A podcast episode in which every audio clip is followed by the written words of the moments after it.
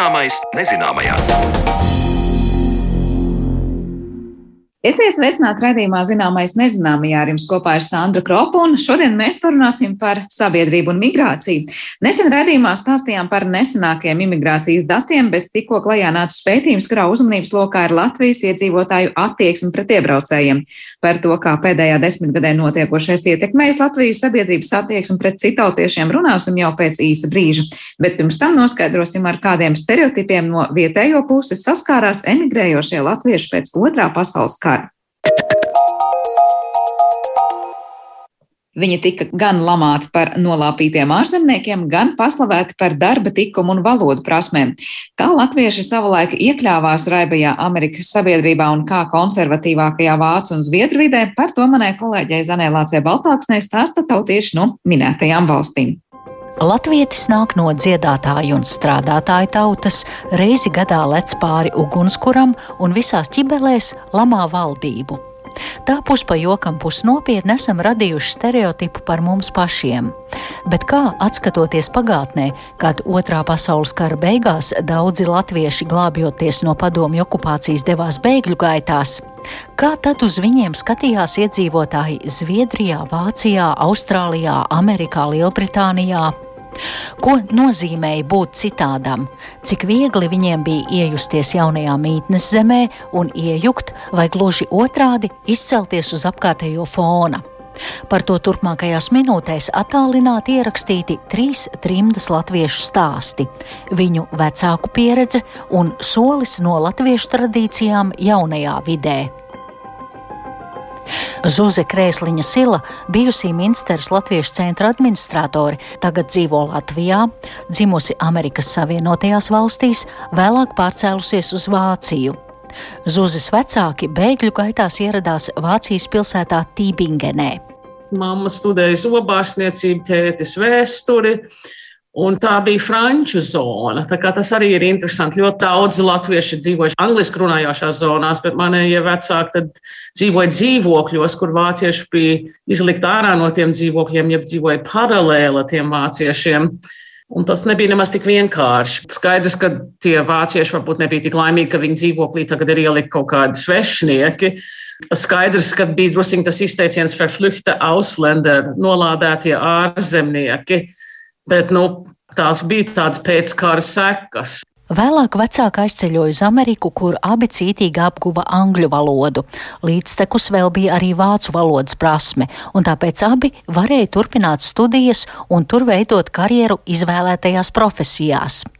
Arī tas, ka Zūze mazotnē runāja divās valodās, angļu un latviešu, izcēla viņu skolas bērnu vidū ka es mācīju vēl vienu valodu. Lielais vairums amerikāņu nemācīja manā klasē kādu citu valodu, bet es atceros, nāca viens korejas puika. Es biju kādā piektā klasē. Viņš nemācīja nevienu vārdu angliski, un tā pielika mani, jo es it kā māku otru valodu, galīgi nekādu sakaru ar korejiešu valodu. Bet vienkārši tā pieredze, viņš bija gudrs matemātikā. Un tad es drīkstēju viņam palīdzēt ar angļu valodu. Tā, tā kā ļoti toleranti man likās tā vide. Nu, bija jau tas kausējamā katla modelis, melting pot, ko saka, un tagad jau drusku vairāk iet uz to, ka nevajag visiem sakausēties kopā, ka tas ir gulašs katls, kur katrs gaļas gabaliņš vai burkāns ir interesants. Vēlāk pārceļoties ar ģimeni uz Vāciju, Zūze, kura bija izaugusi tajā raibajā Amerikas zupas katlā, kā citautiete saskārās ar nievājošu attieksmi no vietējiem. Tas bija 76. gads, kad mēs nonācām Vācijā un mēs meklējām dzīvokli. Tad zvanot ar ļoti sliktu vācu valodu un ar amerikāņu akcentu, tad mūs uzskatīja, ka kara pārpalikumu, piemēram, mēs esam varbūt neēģeri. Man tāds izteiciens bija no vienas no tām tantām, kam es zvanīju. Jūs laikam esat Oreo kūciņa. Jūs zināt, tās mazās Oreo kūciņas, kas ir melnas ārpusē un baltas iekšpusē. Tā viņi man stāstīja. Es vienkārši kaut ko no relatīvi akceptējošās, tolerantās, ieturētās Amerikas tāda attieksme. Man tas bija vienkārši šoks. Nebija kaut ko tādu nekad dzirdējis. tas bija ļoti apvainojoši. Lai arī Zuze Krēsliņa sila pārsvarā kontaktējusies un strādājusi latviešu vidē Minsterē, tomēr arī viņa gadu gaitā ir piesavinājusies vāciešiem raksturīgās īpašības, piemēram, precizitāti. Taču uz jautājumu, kā sevi apzinās runājot par etnisko izcelsmi, viņa atbild šādi kā es uzaudzināta, teiks, mēs nekur īsti neiedaramies. Mēs neesam vācieši, mēs neesam amerikāņi. Arī Latvijā es esmu, teiksim, nu, pie ārstes aizējis, stāvu koridorī, tur ir 30 cilvēki, es vienkārši saku, es nezinu, kā šeit funkcionē, kas man jādara, vai man tagad ir jāklavē uz tam durvīm vai nē. Visi skatās uz manām pārbaudītām acīm, kas šī tā jocīgā ir. Es pieklavēju pie tām durvīm, viņi atcerās, oh, tā ir tā, kas klavē pie durvīm, prasa, kas man jādara? Pēc, ir tā jocīgā zūz no kaut kurienes. Latvieši visi sēž klusiņām koridorī. Nākamais runātājs ir Pasaules Brīvo Latviešu apvienības priekšsēdētāja vietnieks un bijušā Latvijas valsts prezidenta Gustava Zemgala mazmazdēls - Mārtiņš Andersons. Viņš ir dzimis Amerikā un par sevi saka, kā amerikānis skaļāk runāju, biežāk smaidu un nesmu tik konservatīvs sastopot ko jaunu. Lai gan es tiku audzināts latviešu ģimenē, un mūsu mājās mēs runājām latviešu, ārpus mājas es runāju angliski, es gāju amerikāņu skolās, un man liekas, ka cilvēki vispār, ja es nebūtu viņam stāstījis kaut ko, viņi nezinātu, ka es esmu latviešu izcelsmes cilvēks. Mārtiņa vecvecāki pēc otrā pasaules kara ierodoties ASV, sākotnēji strādāja smagu fizisku darbu, un viņu atvasēm Mārtiņa vecākiem skolas gaitas uzsākot katram savā veidā bija jāiedzīvojas amerikāņu bērnu vidū. Mammai galvaspilsētā Vašingtonā, tēvam Napā, tagad zināmākā vīna dārzu teritorijā. Mans tēvs, kā pusaudzis, principā ieradījās šajā mazā lauku pilsētiņā pirmkārt ar vārdu, kas amerikāņiem izskanēja nu, diezgan uh, sievišķīgi, kas tas par māru, vai tas ir Marija vai Marija vai kaut ko, un uh, nu, apsmēja par to. Un līdz ar to es domāju, ka manam tēvam bija spiests tur skolā ātri mēģināt eh, noslēpt vai pamest savu akcentu un izgudrot veidu, kā integrēties ātrāk Amerikas eh, kultūrā. Un par laimi bija viens slavens Amerikas beisbola spēlētājs, kuram uzvārds bija M-A-R-I-S, Rodžers Meris. Un tad mans tēvs varēja visiem izstāstīt, nē, nu, mans vārds ir līdzīgs kā tam slavenam beisbola spēlētājam. Es esmu Meris. Un tā arī viņš savā profesionālā dzīvē tika saukts par Mēris, nevis Māris. Savukārt, mana mamma ar savu ģimeni ieradījās Amerikā, Vašingtonā, lielā pilsētā, lielā diplomātiskā, kosmopolitānā pilsētā. Tur iedzīvotājiem tur bija liela pieredze ar ārzemniekiem. Tā kā tas, ka manai mammai bija vārds, kas nebija līdz tam redzēts, Anda, tas viņam netraucēja, un viņai arī ar to nebija grūti. Bet viena lieta, kas ir interesanti, es atceros anekdoti, ko manā mamma man stāstīja. Manai mammai, kad viņa ieradījās, imigrēja Amerikā, viņai bija gara garas, blondas bizes. Un tā ne, vairs nebija modē pušauģiem Amerikā. Un par to viņi kaitināja. Un viņi stāstīja, kā viņi vienā dienā vidusskolā atnāca mājās raudādām, jo vienkārši pārāk daudz tur skolā viņa kaitināja par to, ka viņai bija garas bizes. Ar asarām un ar dusmām viņa paņēma šķērs un tiks nogriez abas garas bizes.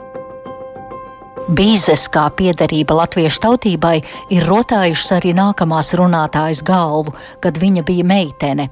Šī maturota, kleitas un skābu kāpostu smārts viņu padarīja par atšķirīgo zviedru vidē. Trešo stāstu par stereotipiem un piederību svešā zemē stāsta literatūras zinātniece un valodniece Aija Priedīte, kura četru gadu vecumā nonāca Zviedrijā. Zviedriem nekādi nu, stereotipi pret baltiešiem tajā laikā nevarēja būt, jo viņi viņus nepazina. Viņi bija vienkārši svešinieki. Ja? Bet stereotipi bija pret visiem ārzemniekiem, pret visu svešā bija. Tā bija tā viena puse. No otras puses, jādomā, ka 30, 40, 50 gados un arī vēl pirms tam liela nozīme Zviedru izglītības sistēmā bija ticības mācībai, tas ir reliģijai. Es tagad nevaru īsti pateikt, vai tas ir bijis visu to laiku, jeb zinām posmu, bet katrā gadījumā sākuma skolā ļoti nozīmīgu vietu ieņēma Kristus līdzības ticības mācības stundās. Un, teiksim, stāsts par žēlsirdīgo samārieti. Tas ir tāds, es domāju, tas ir katram bērnam ir iepotēts jau. Tas nozīmē, ka tev ir jābūt žēlsirdīgam, tev ir jābūt ir izpalīdzīgam. Un es teiktu, ka pie zviedriem šī lieta ir darbojusies ļoti labi. Zviedros pamatā ir tāda sajūta, ka tev ir jāpalīdz. Bet tas nenozīmē, ka to sirdi palīdzi. Tu palīdzi tādēļ, ka tas tev ir iepotēts, tas ir jādara. Ja? Un es domāju, ka baltieši, un tagad runāsim konkrēti par baltiešiem un par mums latviešiem, viņi nonāca Zviedrijā, un es domāju, Gotlandē, ko Zviedri tur patiešām darīja viņa labā, tas bija ļoti augstsirdīgi, nu, darīja visu, lai palīdzētu tiem cilvēkiem, kas tur bija pārbraukuši pāri jūrai, bailēs un nosaluši un bez jebkādas, teiksim, pilnīgi bezpalīdzīgi, bez mantas, bez nekā. Tās problēmas sākās ar to, ka karš beidzās un viņi nebrauca atpakaļ. Un te jau arī tad notika tāda konfrontācija, varbūt ir drusku pat, pat smagu teiks, bet, nu, kad cilvēki stāstīja, kas bija noticis, nu, baigajā gadā un kas bija noticis kara laikā, kad tur ienāca krievi, te ienāca vācieši, atkal krievi, un kāpēc viņi bija bēguši, jā. Un pie daudzām lietām, teiksim, Zviedra reakcija bija, ja, bet ja viņi jums darīja pār, kāpēc jūs nesauciet policiju, jā. Nu, vienkārši tā pilnīgā neizpratne par to vēsturisko situāciju. Es domāju, ka tā bija ļoti izteikta, un tā arī no abām pusēm veidoja tādu distanci, es teiktu. Ja? Arī Zviedru rīcība, izdodot latviešu leģionārus padomju varas iestādēm 1946. gada janvārī, radīja bailes un nedrošības sajūtu Baltijas valstu bēgļos, un vēlāk tur sekojošā asimilācija latviešu bērnos un jauniešos radīja vēlmi būt pēc iespējas zviedriskākiem tā asimilācijas politika tā parādījās jo vairāk, jo tālāk prom no tādiem galveniem centriem. Es domāju, mazpilsētās un uz laukiem tur bija ļoti manāms tas, ka cilvēki nedrīkst atšķirties un tā. Jo Zviedru tā laika kultūrā bija arī tā, ka nu, cilvēkiem jābūt vienlīdzīgiem, bet tā vienlīdzība bija sadalīta īstenībā pa šķirām, ja mēs tā varam runāt. Jo tā vienlīdzība starp strādniekiem, jeb zemniekiem ir viena, starp pilsoņu šķiru vidējo tur atkal ir viena, tad starp akadēmiķiem cita, starp uzņēmējiem cita un tā tālāk. Ja.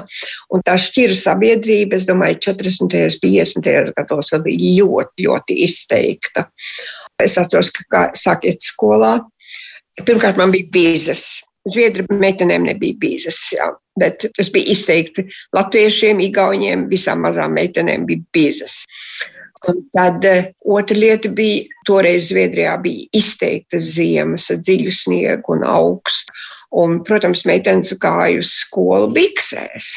Manam vecumam teica, nē, latviešu meitene nevar iet biksēs uz skolu, tas ir neiespējami. Es iezinu, ka es diņģējos par to, jo visām meitenēm bija tādas rūtēnas vilnas bikses, un es arī tādas gribēju. Un beig beigās man vecumam saprata, ka nu, ir par augstam bērnam, tad man uztaisīja tādas no kaut, kaut kādas vecas drēbes, uztaisīja bikses, bet es nedrīkstēju tām iet klasē iekšā, man tās bija jānovelk nost ārpusē. Jūs varat iedomāties, ja? man jāvelk mans bikses nost ārpusē ir un jāpakar. Un bez tam vecāmām teicu, bet nu, tā nevar iet uz skolu, ir, ir vajadzīgas kārtīgi formas klēt. Un viņa uzšuva no vectēva uzvalka, man, es zinu, man divas brūnas. Ah, kā viņš man viņas riebjās, man brūna krāsa joprojām liebās drēbes. Brūnas formas kleits ar tādiem krēmkrāsas krādziņiem. Un tā pirmos divus gadus tā man bija jāiet uz skolu. Vēlāk tā man vecā mamma saprata, ka Zviedrijā gluži ka tā nevar. Un tad es arī pat biksu dabūju. ne, nu, šī tāda sīkuma bija tie, kur sadūrās. Ja? Un Zviedrijam atkal ļoti izteikti bija tāda nu, vienlīdzība. Visām meitenēm ir tādas bikses. Ja? Un, kad tu nedrīkst nekādā ziņā atšķirties, nedrīkst būt nu, tāds ārpusstāvošs. Tas tajā laikā bija tā. Šie stāsti man atgādina rotaļu, Ādamam bija septiņi dēli, visi dara tā. Bet te runa ir par dzīvi, kurā cilvēkiem bija un ir jāizvēlas darīt kā visiem, vai iet citu ceļu, un arī domāt kā visiem, vai papētīt tos citādi darošos vairāk. Zānes Lācis Baltāks, un cišatā dzirdējāt trīs sarunas par stereotipiem, ar kādiem saskārās latvieši, kuri izceļoja no Latvijas pēc otrā pasaules kara. Bet raidījuma turpinājumā pievēršamies tam, kādus stereotipus pret iebraucējiem kultivējam Latvijas sabiedrībā šodien.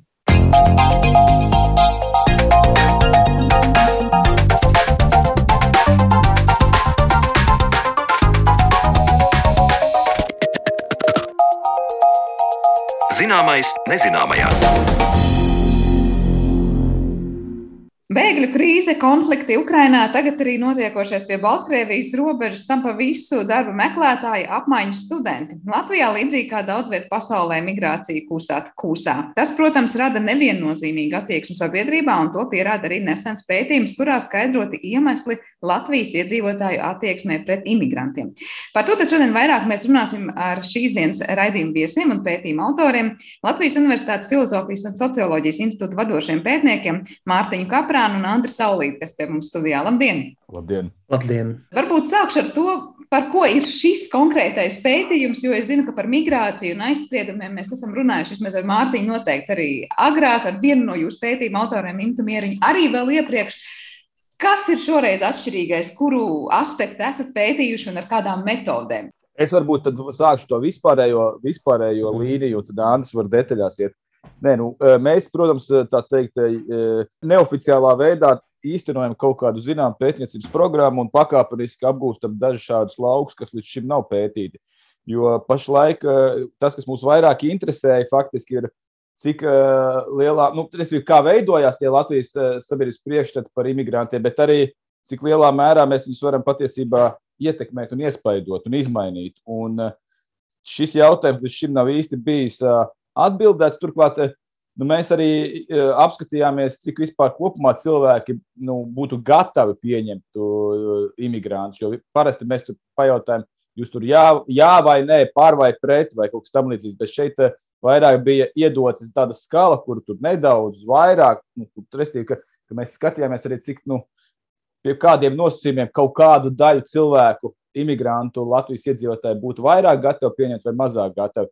Bet, nu, šī pētījuma unikalitāte slēpjas faktā, ka mēs atšķirībā no citām klasiskām aptaujām, kur vienkārši aiziet, uz, aiziet pie cilvēkiem, pavaicā reprezentatīvai izlasē, mēs šeit, kā lai tā pieklājīgāk pasaka, nu, mēs tā draudzīgi nedaudz pamanipulējām ar sabiedrisko domu. Andris droši vien nepiekritīs tieši šādam rāmējumam, kā es to pasniedzu. Viņš gribēs kaut kā diplomātiskāk, bet es domāju, tas ir tas, ko mēs darījām, ko dara piemēram, psihologi laboratoriskos pētījumos, tur ar saviem kaut kādiem pētījumiem, ar kādiem pētījumu dalībniekiem, kur tur manipulēs, nezinu, ar kaut kādām sajūtām, vai emocijām, vai reakcijām uz ļoti maziņu grupu. Mēs to, iz, to pašu izdarījām tikai uz lielām, teikt, lielām izlasēm, kas ir reprezentatīvas, kas ir Latvijas teikt, sabiedrības mikromodels. Un mums bija tādas piecas grupas, kur mēs mēģinājām dažādos veidos pastāstot kaut ko vai noklusējot kaut ko par imigrāciju, paskatīties, kādā veidā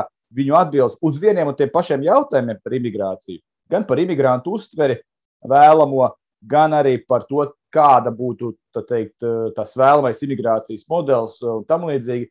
Kā mainās atkarībā no tā, kā mēs uz sākotnēji teikt, nedaudz sagatavojam. Varbūt no šī te arī Andris var tālāk pieslēgties, jo viņš bija tieši atbildīgs un vairāk iekšā šajā eksperimentālajā daļā.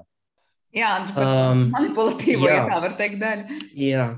tas, ko mēs darījām, es teikšu, ir tas, kas sociālajās zinātnēs šobrīd ir tādā lielā topā. Mēs mēģinājām pavirzīt vai pabikstīt, ko angliski sauc par nudging.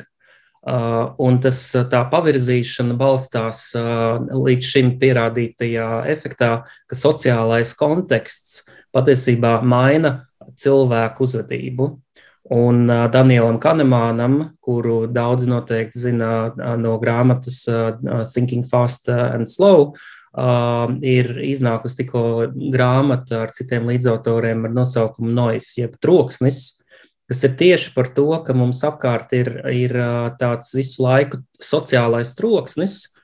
Un tas piemērs, ko viņi lieto, ir arī saistīts ar migrāciju, par uzturēšanās atļaujām ASV. Uh, par tiesnešiem, kuru spriedumi bieži vien ir saistīti ne tik daudz ar lietas apstākļiem, bet arī ar citām lietām, kas ir apkārt, sākot ar sporta spēļu rezultātiem iepriekšējā vakarā, beidzot ar, ar, ar laika apstākļiem aiz loga.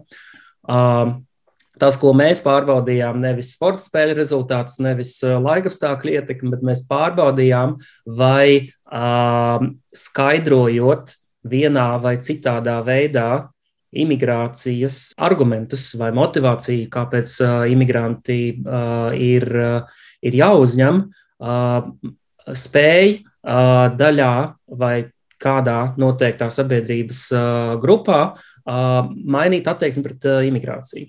Un, protams, ka, ja cilvēks ir stingri, uh, nu, kā, nu, ir pār vai pret kaut ko, tad uh, nav uh, iespējams to mainīt. Bet uh, vienmēr ir tādi, uh, kas uh, īsti uh, nezina, un mums arī aptaujas datos parādījās, ka ir cilvēki, kuri bieži vien izvēlas atbildēt grūti pateikt, nezinu. Nu, mēs zinām, visām aptaujām ir šādi.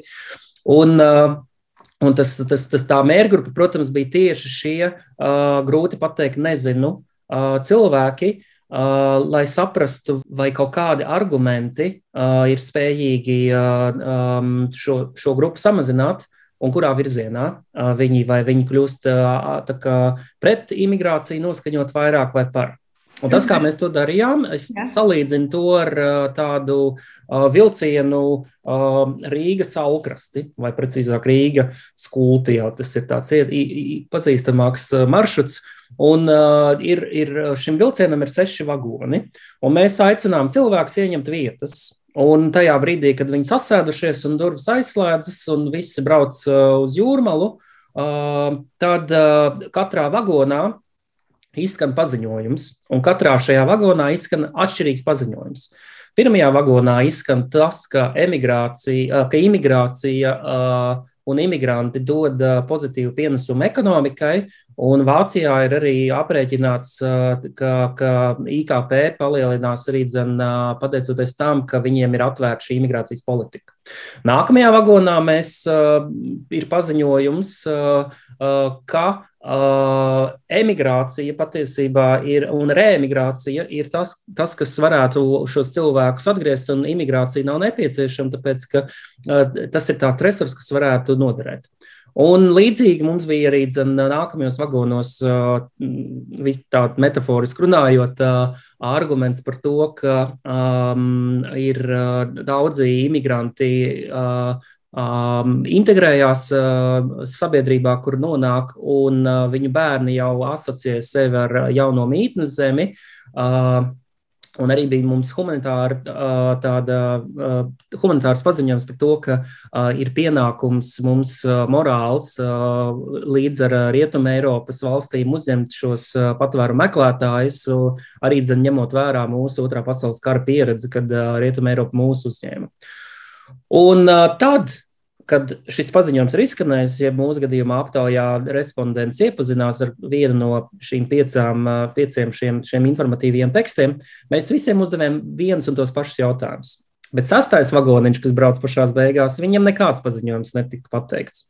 Līdz ar to mums bija tā saucamā kontrola grupa, kur bija bez nekāda sociālā konteksta, laboratorisks, pilnīgs tāds gadījums, jo, protams, ikdienā tāda nav.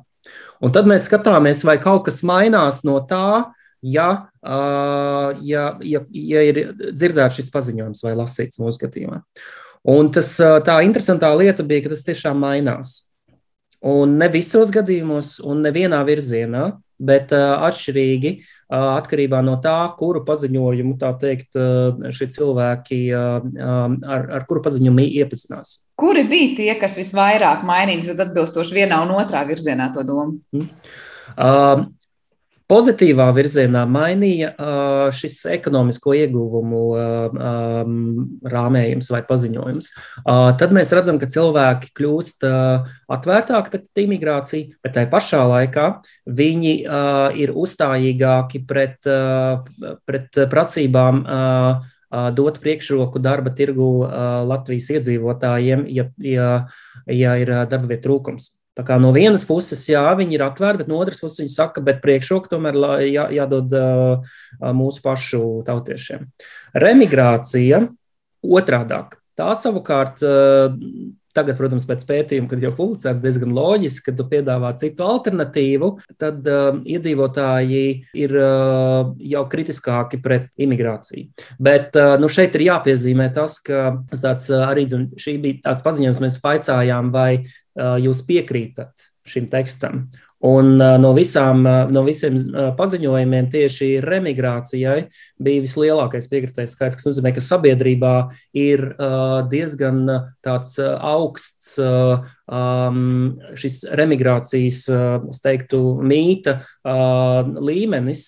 Jo nu, citi pētījumi parāda, ka tādu masīvu remigrāciju tuvākajā laikā nav iespējams sagaidīt. Uh, Tā ir tāda vēlamā uzdošana par esošo, bet ļoti spēcīga un, un, un noteikti diskusijās šis arguments ļoti labi veicina izveidoties norādošai attieksmei pret imigrāciju un, un imigrantu uzņemšanu.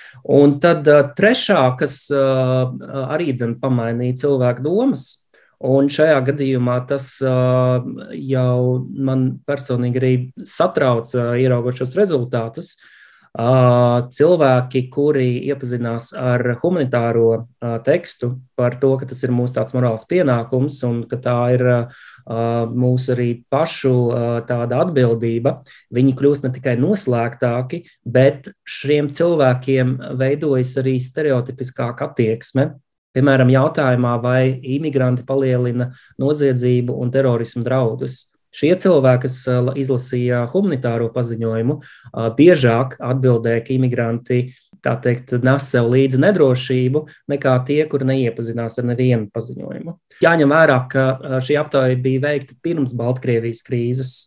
Mēs varam tikai spekulēt, kā šī informācija, kad aizmugurē jau ir teikt, šis troksnis sociālais vēl lielāks, un tieši kur, kur, kur mazāk prevalē šie ekonomiskie argumenti, bet tieši humanitārie, kā tas ietekmēs sabiedrību šobrīd. Bet mums jau ir skaidrs, ka vēl pirms šīs krīzes šie humanitārie argumenti patiesībā rada noraidošu un negatīvu attieksmi pret imigrantiem. Pirms varbūt mēs runājam par tiem pārējiem atlikušiem vagoniem un to, ko tie paziņojumi radīja, vai tas, kā tika pozicionēti šie imigranti, bija stāsts par nu, tādiem patvēruma meklētājiem un stāsts ir par kādām valstīm, kuras mēs kā uztveram kā nu, tā saucamiem nevēlamiem, vai zinu, ka iepriekšējos pētījumos ir iezīmējis tas, ka jo tuvāk, vai es nezinu, tā būtu Ziemeļa Eiropa vai Rietuma Eiropa vai Amerika, ka tos imigrantus mēs tā kā uztvērtu tā kā pozitīvāk, un vai tas iezīmējās, un par kuriem tieši vai tika norādīts ir jautājums.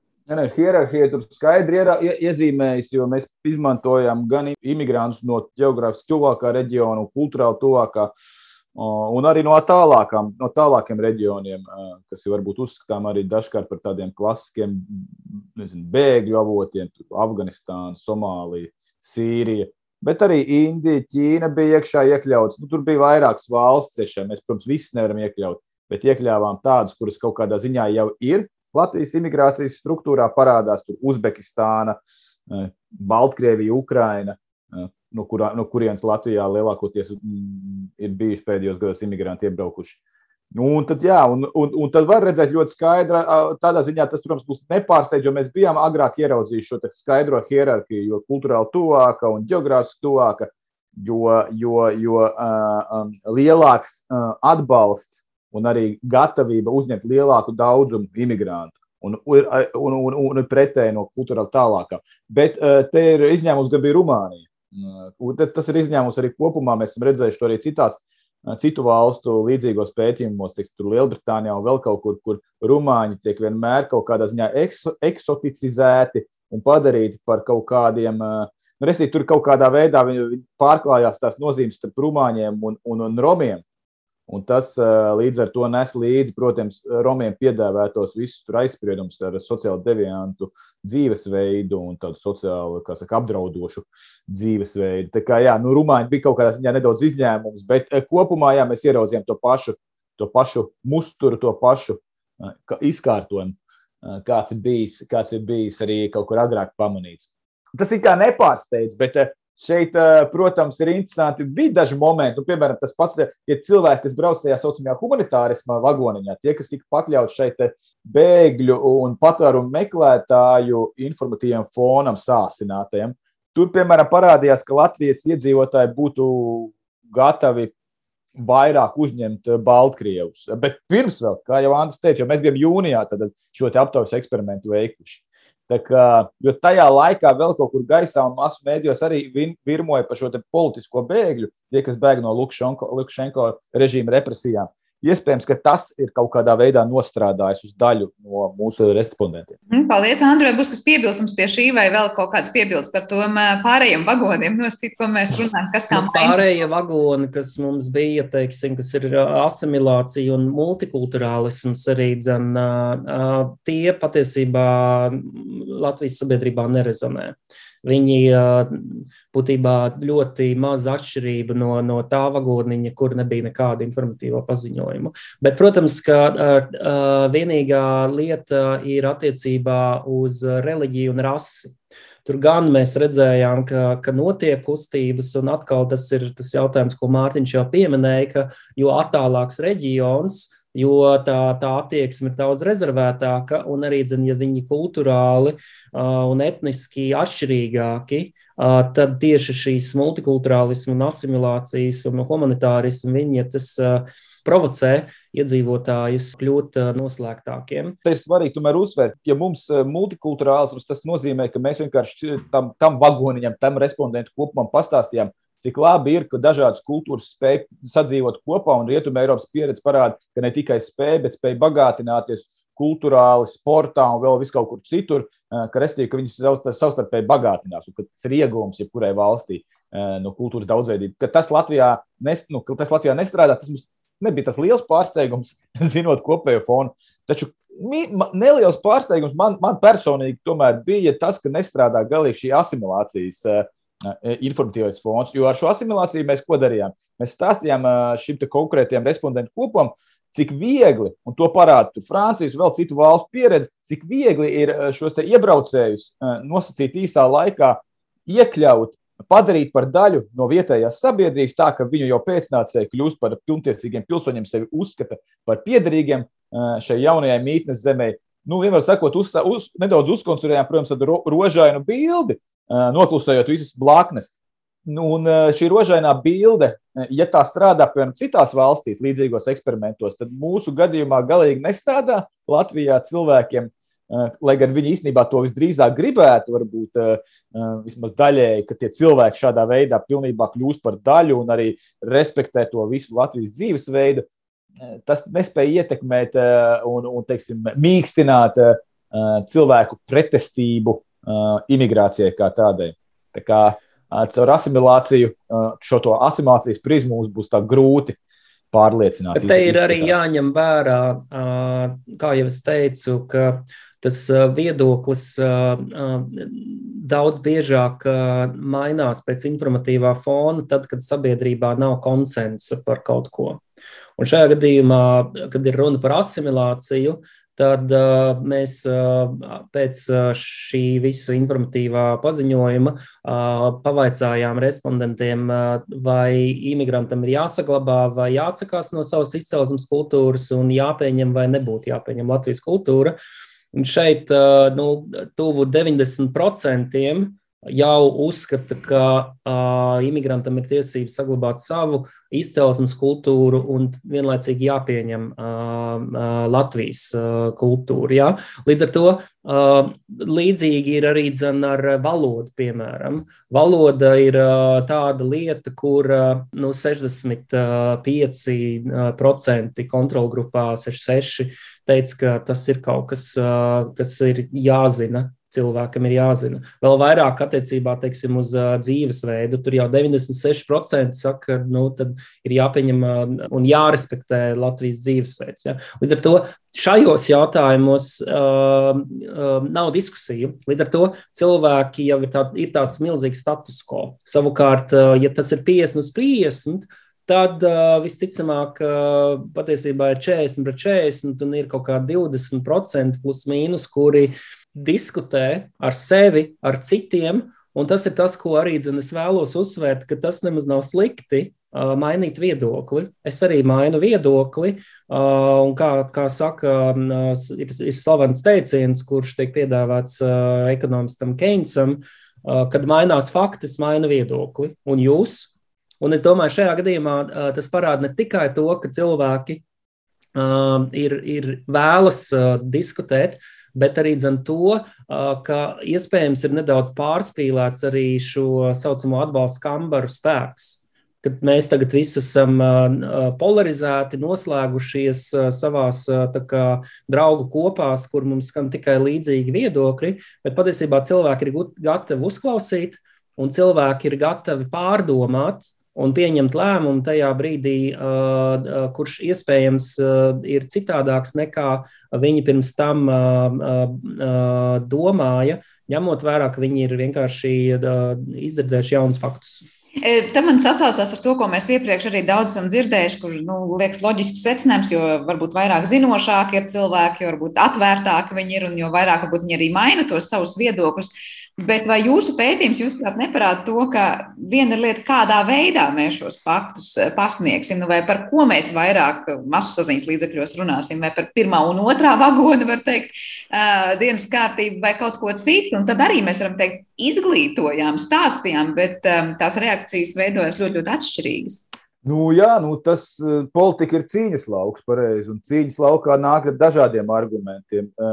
Tā politiskā, to politisko spēku pārstāvju, kuru interesēs vai kuru, kuri pārstāv tās sabiedrības daļas, kuriem vai nu, nu ekonomiski vai kādu citu iemeslu dēļ ir svarīgi iestāties par imigrācijas politikas liberalizēšanu. Tie pārstāvēs vienu informatīvo fonu, un, un, un teikt, tie strādās uz vienu vagoniņu vai vagoniņiem, un, un pretinieki, nu, piemēram, nu, tāda klasiski nacionāli, nacionāli orientēta politisko spēku tēze, vai arī varbūt izteikti populistiski nacionālistisku spēku tēze ir bijusi šī remigrācijas uh, mantra. Nu, tā tad visi, nu, tūlīt tautieši brauks apakaļ un mūsu darba tirgus problēmas tiks atrisināts. Un mums pie pašiem optimistiskākiem rādītājiem, tur, pieņemot, ka ir kaut kādi ekonomiski un sociāli svarīgi, nu, svarīgi priekšnosacījumi, mums tur piecu gadu laikā nevarētu atbraukt atpakaļ vairāk par kaut kādiem 11 tūkstošiem, cik mums ir parādījuši pēdējo gados veiktās aptaujas. Nu, un vēl ir stāsts par to, cik viņi ilgi te paliek, kad atbrauc atpakaļ. Nu, tad, tad, tā remigrācijas mantra, ko tur mēģina vieni kultivēt, un no otras puses ir tā plikā ekonomiskā uh, argumentācija. Nu, mums ir svarīgi, lai mums ir sezonālie strādnieki, lai mums ir šeit būvniecībā, kas strādā, un citās nozarēs.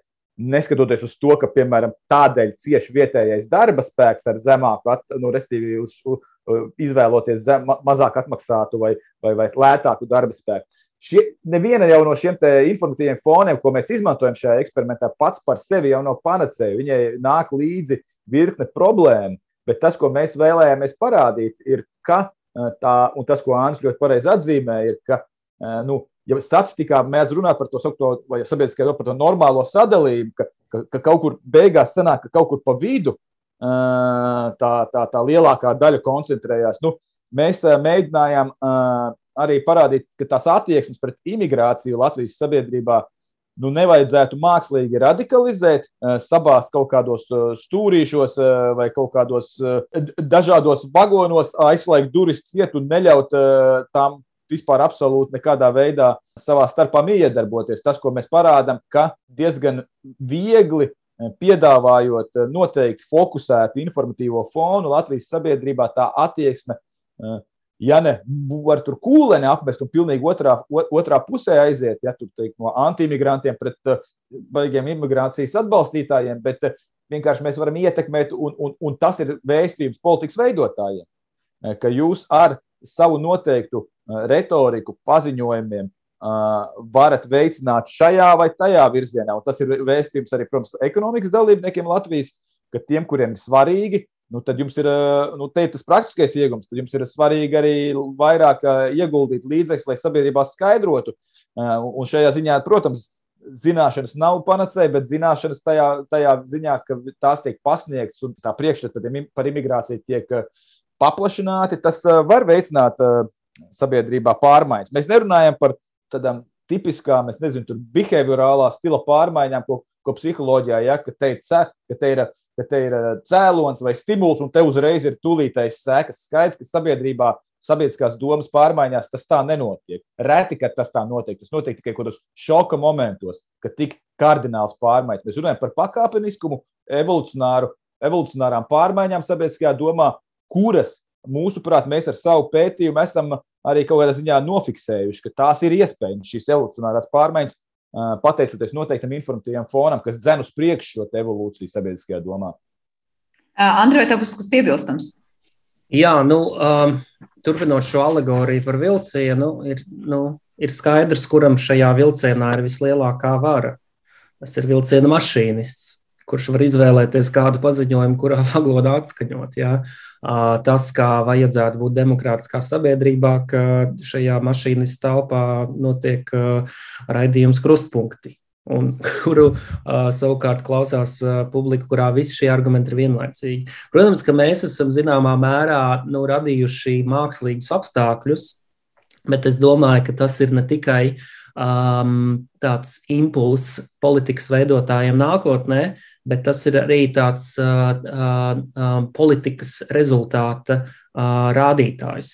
Jo acīm redzami humanitārais fons rada sabiedrībā negatīvu attieksmi pret imigrantiem.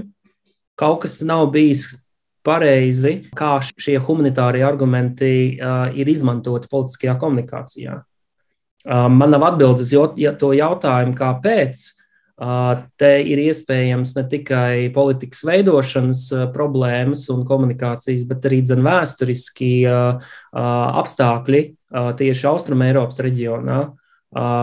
Bet ir skaidrs, ka te, tas te nav runa tikai par, par nākotni, bet arī par pagātni, kurā, kuru mēs esam šobrīd nokonstatējuši. Un tas arī bija tas mūsu mērķis Nevis veidot vēl vienu aptauju par, par, par, par to, kāda ir jūsu šī attieksme, bet saprast, kādi ir tie sociālie mehānismi, un, kas, kas ietekmē šo, šo veidošanu. Un vēl viena svarīga lieta, kas ir ātrs piemērs, ka, protams, ka tas sociālais konteksts ir ne tikai par pašu vēstījumu, bet arī tas, kurš ir vēstītājs. Mūsu gadījumā šeit bija bez tā teikt autora, uh, Mēs teicām, ka šis ir teikt, sagatavots fragments, kas ir paredzēts skolu mācību grāmatām. Tas bija tāds neitrāls, bet, protams, ka ir arī dzen, ļoti atkarīgs no tā, vai šādu paziņojumu pauž politiskais spēks, kuram tu simpatizē, kurš tev simpatizē, vai kuram tu nesimpatizē. To mēs zinām arī dzen, no, no ASV, kur, ja argumenti pasaka republikānis, Tad tu tam piekrīti, ja tu esi Donalda Trumpa atbalstītājs, savukārt, ja nē, ja tas ir demokrāts, nu, klimata pārmaiņas varēja būt arī otrādāk. Varbūt. Atkarīgs viss no tā. Nu, mums, Latvijā, protams, mums Latvijā, protams, nav tik polarizēta sabiedrība kā ASV. Bet, ja mums pateiktu, piemēram, Raimons Pauls, ka imigranti ir jāieved, nu, būtu iespējams viens cits rezultāts sabiedrībā. Un, ja pateiktu pretējs, pretējs Raimondam Paulam, pret imigrācijas, imigrācijas liberalizēšanu. Nezinu, tur, piemēram, Nils Ušakovs, kas, piemēram, atkal Latvijas krievlodīgajā sabiedrībā ir ļoti spēcīga autoritāte joprojām. Vai Aivars Lembergs, piemēram, starp citu. Tad mēs atkal ieraudzītu kādu interesantu citu ainu. Tā kā, jā, tas, pas, tas, kurš pasaka šo te, to mēs neesam šeit izmantojuši šajā eksperimentā. Mēs bijām ļoti neitrāli. Mums bija katrs vēstījums piesaistīts pie mācību, iedomāts mācību grāmatas, kurai mēs likām respondentiem vienkārši novērtēt, cik kvalitīvs ir šis teksts uzrakstīts. Jā, tas varētu būt vēl interesantāk paskatīties, kā jūsu rezultāti mainījās, izjūt no tā, kurš to teica. Bet noslēdzot šo sarunu, man tāds jautājums, te piesaucāt arī to Austrumēropas fonu un tā, vai ir kaut kas līdzīgs veikts, nezinu, Lietuvā, Igaunijā, un mums ir iespēja paskatīties, vai tās sabiedrības, kas mums ir vēsturiski bijušas tur līdzīgākas, domā arī līdzīgi, un uz viņiem iesdarbojas tieši tie paši argumenti līdzīgi kā mūsu sabiedrības gadījumā, vai kaut kas par to ir zināms? Nu, ir pētīts, e, e, es eksperimentāli neesmu redzējis, ka būtu Andris varbūt kaut ko pamanījis, bet man liekas, ka tādā klasiskā veidā, kā mēs to esam darījuši, es vismaz neesmu redzējis angļu valodā, iespējams, vietējās valodās, tāpat kā mēs latviešu valodā šo pētījumu esam pētī, e, publicējuši, iespējams, ka kāds ir kaut ko darījis. Bet tas, ko esmu redzējis tādā vispārīgā līmenī, un arī mēs paši 19. gadā veicām tādu Baltijas valstu ideoloģiskās polarizācijas pētījumu ar Intu Mieriņu kopā, un, un tas, ko mēs redzējām, ja salīdzinām to pretimigrantu noskaņojumu visās trīs Baltijas valstīs, tad tas ir par kārtu nu, spēcīgāks un izteiktāks Latvijā un Igaunijā. Un savukārt vājāks un kaut kādā ziņā pretīm nākošāks imigrantiem šis noskaņojums ir Lietuvā.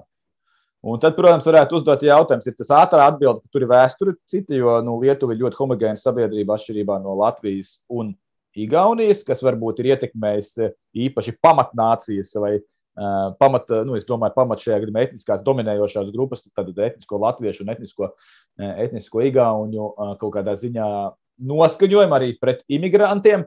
Uh, bet Lietuva arī vēsturiski ir veidojusies kā tomēr multikulturālāka, ja ņem vērā, teikt, vairākus gadsimtus atpakaļ Lietuvas, ja, no Baltijas valstīm līdz, liek, no Baltijas jūras līdz Melnai jūrai, ja, tā, tā, tā dvēsele un tas plašums, un, un tā arī geogrāfiskā identitāte pilnīgi citādāka lietuviešiem ir. Tā kā, mm, tā kā, jā, Lietuvā mēs varam ieraudzīt, un tas ir, to jau es pamanīju arī vairākos, man nu pat noslēdzas viens jauniešu pētījums, mm, kur es arī līdzīgi, kur redzu, ka arī jaunākajā paudzē Lietuvā šī atvērtība imigrantiem ir tomēr ievērojami lielāka nekā, nekā Igaunijā un Latvijā.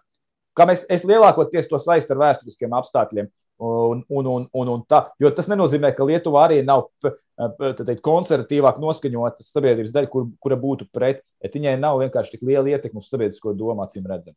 Jā, lielākoties ir nu, Rietumē, Eiropā veidot, kur ir lielākas imigrantu kopienas tieši nu, pēdējo desmitgažu laikā. Uh, Un uh, mēs uh, iedvesmu smēlāmies no britu pētījuma, kur uh, savukārt asimilācijas viņiete uh, bija tā, kas uh, patiesībā strādāja, vai ne, Mārtiņa?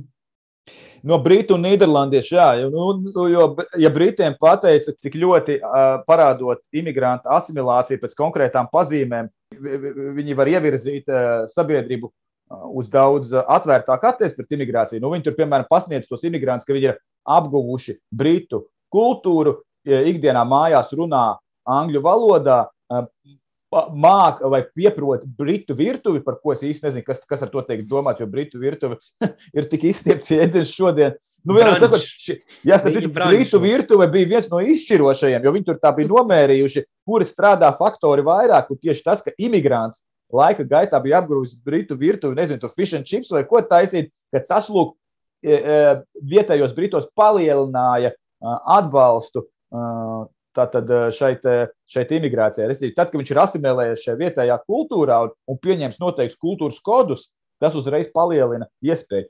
Iespējams, ka jā, mēs nākotnē arī kaut ko līdzīgu pamēģināsim. Mēs pamēģināsim apskatīties kaut kāds persona X no, no Sīrijas un, un, un, un māk taisīt Jāņu sieru un vēl kaut un ko tādu. Jā, un tīteņš, es nezinu, vai tīteņi, jā, jā nu, vai kaut ko tam līdzīgu. Paskatīsimies, cik tas ļoti ietekmē vai maina. Tas uz nākotni, tas uz nākotni. Tas tiešām mēs ar nepacietību gaidām nākamos pētījumus, jo tas tiešām ļauj paskatīties uz sevi no mazliet citas puses. Un, kā jūs teicāt, patiesībā neesam tik ļoti polarizēti, kā dažkārt par mūsu sabiedrību mēs domājam. Paldies jums abiem par šo sarunu. Es atgādināšu klausītājiem, ka dzirdējām Latvijas Universitātes Filozofijas un Socioloģijas institūta vadošos pētniekus Mārtiņu Kaprānu un Andru Saulītu. Šodien mūsu raidījuma attālinātajā studijā tas arī ir izskanējis, un par to parūpējās producenta Paula Gulbinska, mūzikas redaktors Girs Bišs un ar jums kopā viesis Sandra Kropa. Uz tikšanos!